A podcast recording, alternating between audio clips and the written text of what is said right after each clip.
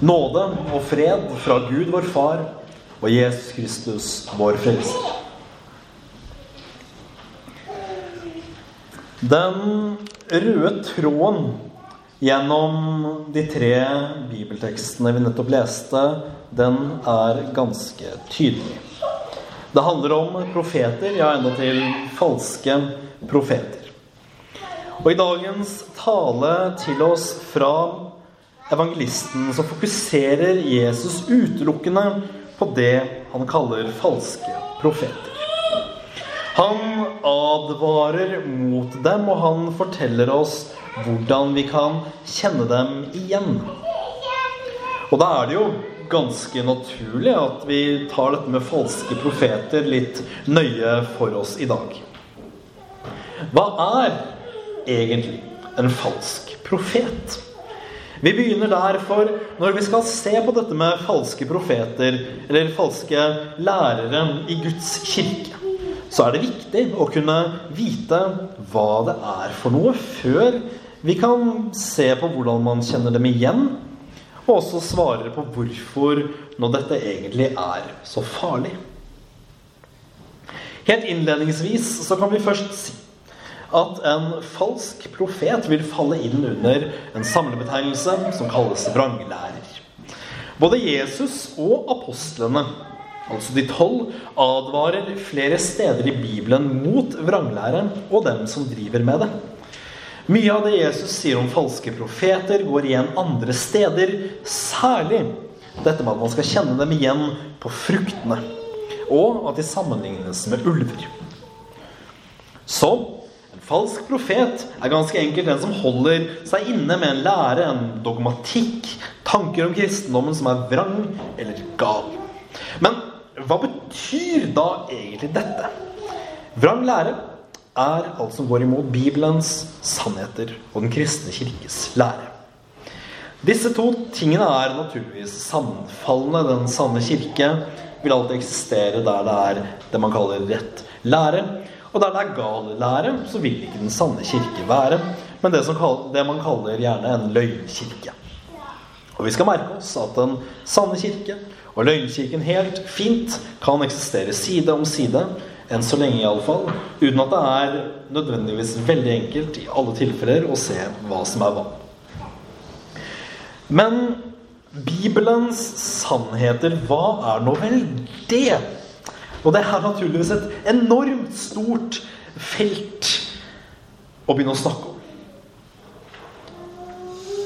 For Bibelens samlede sannheter, det er mye. For i Bibelen så står det naturligvis mye. Men i Bibelen så står det mye, og alt er godt, og alt er Guds ufeilbarlige ord. Og evangeliet om Jesus Kristus, dere, det er der vi kan starte for å få et godt bilde av hele Bibelens sannhet.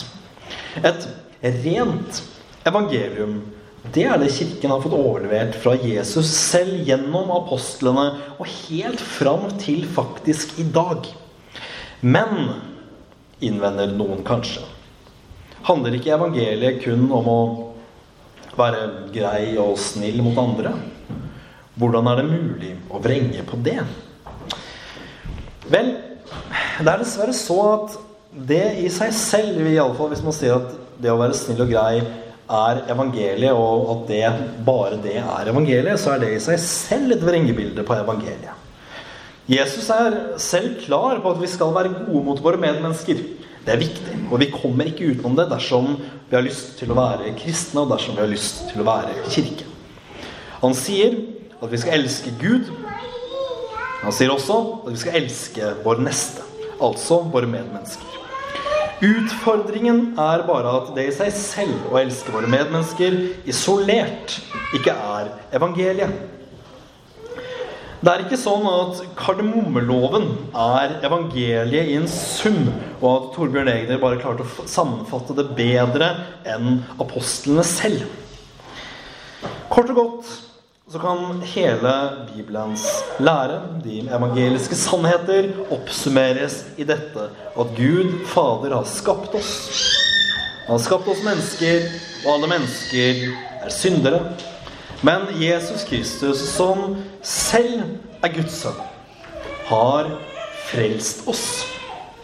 Og i troen på ham så får vi tilgivelse for våre synder og evig liv.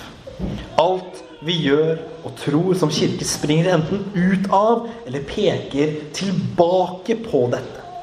Dette er hva vi har å navigere etter når vi skal se om en lære er sann eller falsk. Det som er den åpenbare utfordringen når du kommer til vranglæra, er at den ikke alltid ved første øyekast virker så ille.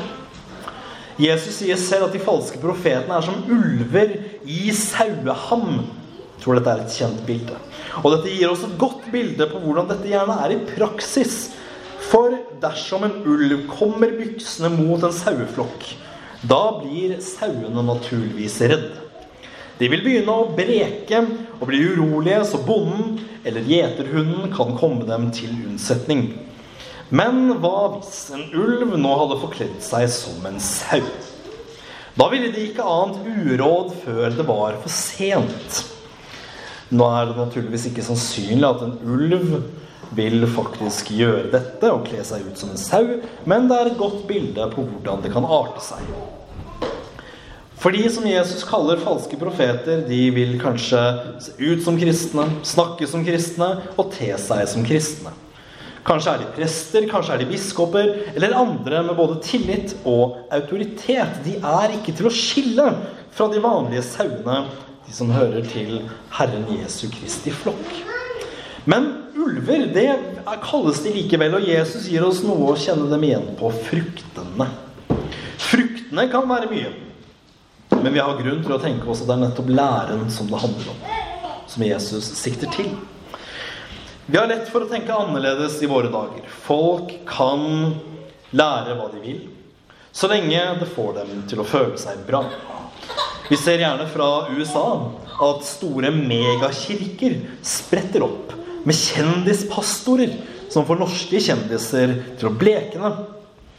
Teologien deres den kan være et uh, Frankenstein-monster uten sidestykke som bryter med alt den kristne kirken noensinne har lært tidligere, men folk aner ikke faren. Hvorfor? For det første fordi de samler folk. USA sin største kirke samler over 50 000 hver søndag. Smak litt på den. 50 000 hver eneste søndag. Og jeg må si dette, si dette ganske tydelig. Hovedpastoren deres er en kjetter uten sidestykke i moderne kristenhet. Han samler mange, men måten han forkynner at bare du tror rett nok, så skal du være både rik og frisk og vellykket. Har du lyst på en ny bil eller bli helbredet fra en alvorlig sykdom, så skal du bare tro eller donere penger. Det er farlig. Farlig å forkynne på den måten. Han samler mange, men han er en ulv.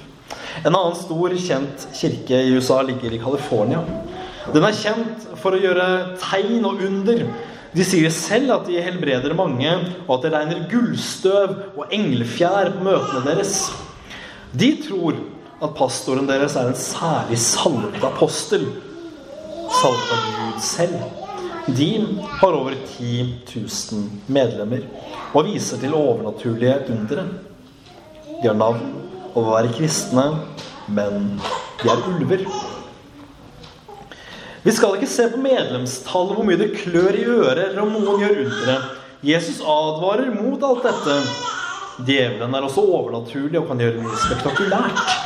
Vi skal ikke se på alt dette, men på om det de sier, er i tråd med det de første kristne lærte. Om Guds nåde og om tilgivelse for syndene.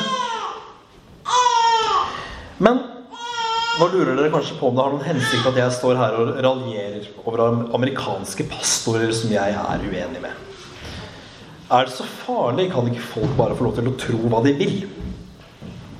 Alle skal absolutt få lov til å tro hva de vil, så lenge man ikke påstår at alt er kristendom. Når menneskets store problem, vår grunnsykdom på mange måter, er at vi er syndere, da trenger vi et botemiddel, et legemiddel og dette legemiddelet er det bare det sanne kristne evangelium som har. Ja visst er du en synder, det er vi alle som én. Men vi tror på den himmelske Herre, Jesus Kristus.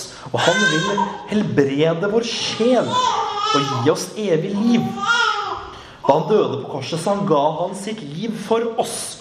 For våre synder. Og når vi tror på ham, at det han gjorde, var nok for oss, da får vi del i alt dette. Dersom noen kaller seg kristne og sier at synd ikke lenger finnes, eller at noe som Guds ord klart kaller synd, ikke er synd, da sier de jo i praksis at du ikke trenger tilgivelse. De lurer deg og setter din sjel i fare. Dersom noen forkynner så mye om at du skal føle deg vel og bra, at du skal bli rik og frisk bare du tror på Gud, eller at Gud er en trollmann som du kan kommandere til å gjøre undere for deg, da glemmer de svært ofte å forkynne den enkle sannhet at Gud for Jesu Kristi skyld vil være deg nådig. At han elsker deg og vil tilgi deg alle dine overtredelser. De frarøver deg muligheten for omvendelse, tro og tilgivelse. Og Derfor er dette så alvorlig. Og Vår målestokk den skal i ett og alt være de sannheter som vi finner i Guds ord. Dersom vi hører en taler, så skal vi høre etter om det han sier, er i tråd med det vi vet at de første kristne lærte. Og vi kjenner godt til hva de lærte, fordi vi finner det i brevene i Det nye testamentet. I den tidligste kristne litteratur samt hos kirkefedrene som levde noen århundrer etter. Vi ser at dette er i overensstemmelse med det Jesus selv forkynte, og vi ser hvordan de forsto ting.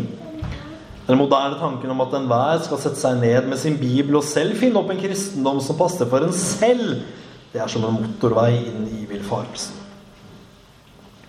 Vi har klart for oss hva som er Guds ords sannheter, og dette skal vi måle alt vi hører etter. Jeg kan ikke understreke nok hvor viktig dette er. Det er dette som er det rene evangelium, og det må vi holde fast på for alt vi kan. Hvorfor? Jo, for det er jo dette, kun dette, som kan trøste en fortvilet sjel. Fordi vi kjenner alle på ulikt vis og til ulike tider syndens tyngde i vår liv enten vi er klar over det eller ikke. Når du vet at du har gjort noe galt, hva er da best å høre? En lurendreier som prøver å overbevise deg om at det du gjorde, vel ikke var så ille. Det finnes folk som er verre enn deg. Du er jo stort sett snill, selv om du vet at det du gjorde innerst inne, var galt. Hva slags trøst er vel det? Er det ikke da en svært mye bedre trøst å høre ham selv, som du gjorde noe galt mot Gud, rope ut sin nåde og kjærlighet over deg? Selv om du faktisk hadde gjort noe galt. Så hør da dette salige budskapet at når du trøster deg til Jesus som din frelser, da ser ikke Gud lenger på dine synder. Han sier ikke at det ikke var galt. Han sier at det er tilgitt. Det er forlatt. Alt er glemt. Guds, farlige, fader, Guds faderlige kjærlighet dekker oss så fullstendig med sin nåde og godhet at alt blir tilgitt. Vi må bare komme til Ham som er tilgivelsen selv. Men mange er det som forsøker å holde oss borte fra denne tilgivelsen. Fra nåden hos Gud, hvem de enn er, hva de enn sier. Hvis det er noen som kaller seg en lærer i Guds kirke, ikke vil fortelle deg om omvendelse, nåde og tilgivelse, da løper de djevlenes ærender. Med det gode, gamle, sanne evangelium, det har stått fram til i dag. Gjennom utallige villfarelser, forfølgelser fra myndigheter og andre, annen ondskap. For større er Ham som er i oss, Gud selv, med sin hellige ånd, som gis oss i den hellige dåp, som vi også ble vitne til i dag. Han som er i hele sin kirke. Større er Han enn han som er i verden, djevelen. Djevelen kan aldri seire over den sanne åndelige kirke. Selv om han tar over aldri så mange organisasjonsstrukturer. Det sanne evangelium, det vil aldri gå tapt. Nåde, nåde, nåde. For Jesu Kristi uskyldige lidelses og døds skyld, hans blod dekker oss. Det renser oss for all vår skyld. I denne nåden reises vi opp til et nytt liv et evig liv. Vi reises opp, og vi blir helere mennesker. Og vi går på veien til vårt endelige hjem hos Gud. Dette er hva som står på spill, og derfor er det også så viktig. Ære være Faderen og Sønnen og Den hellige ånd, som var, er og blir en sann Gud fra evighet og til evighet. Amen.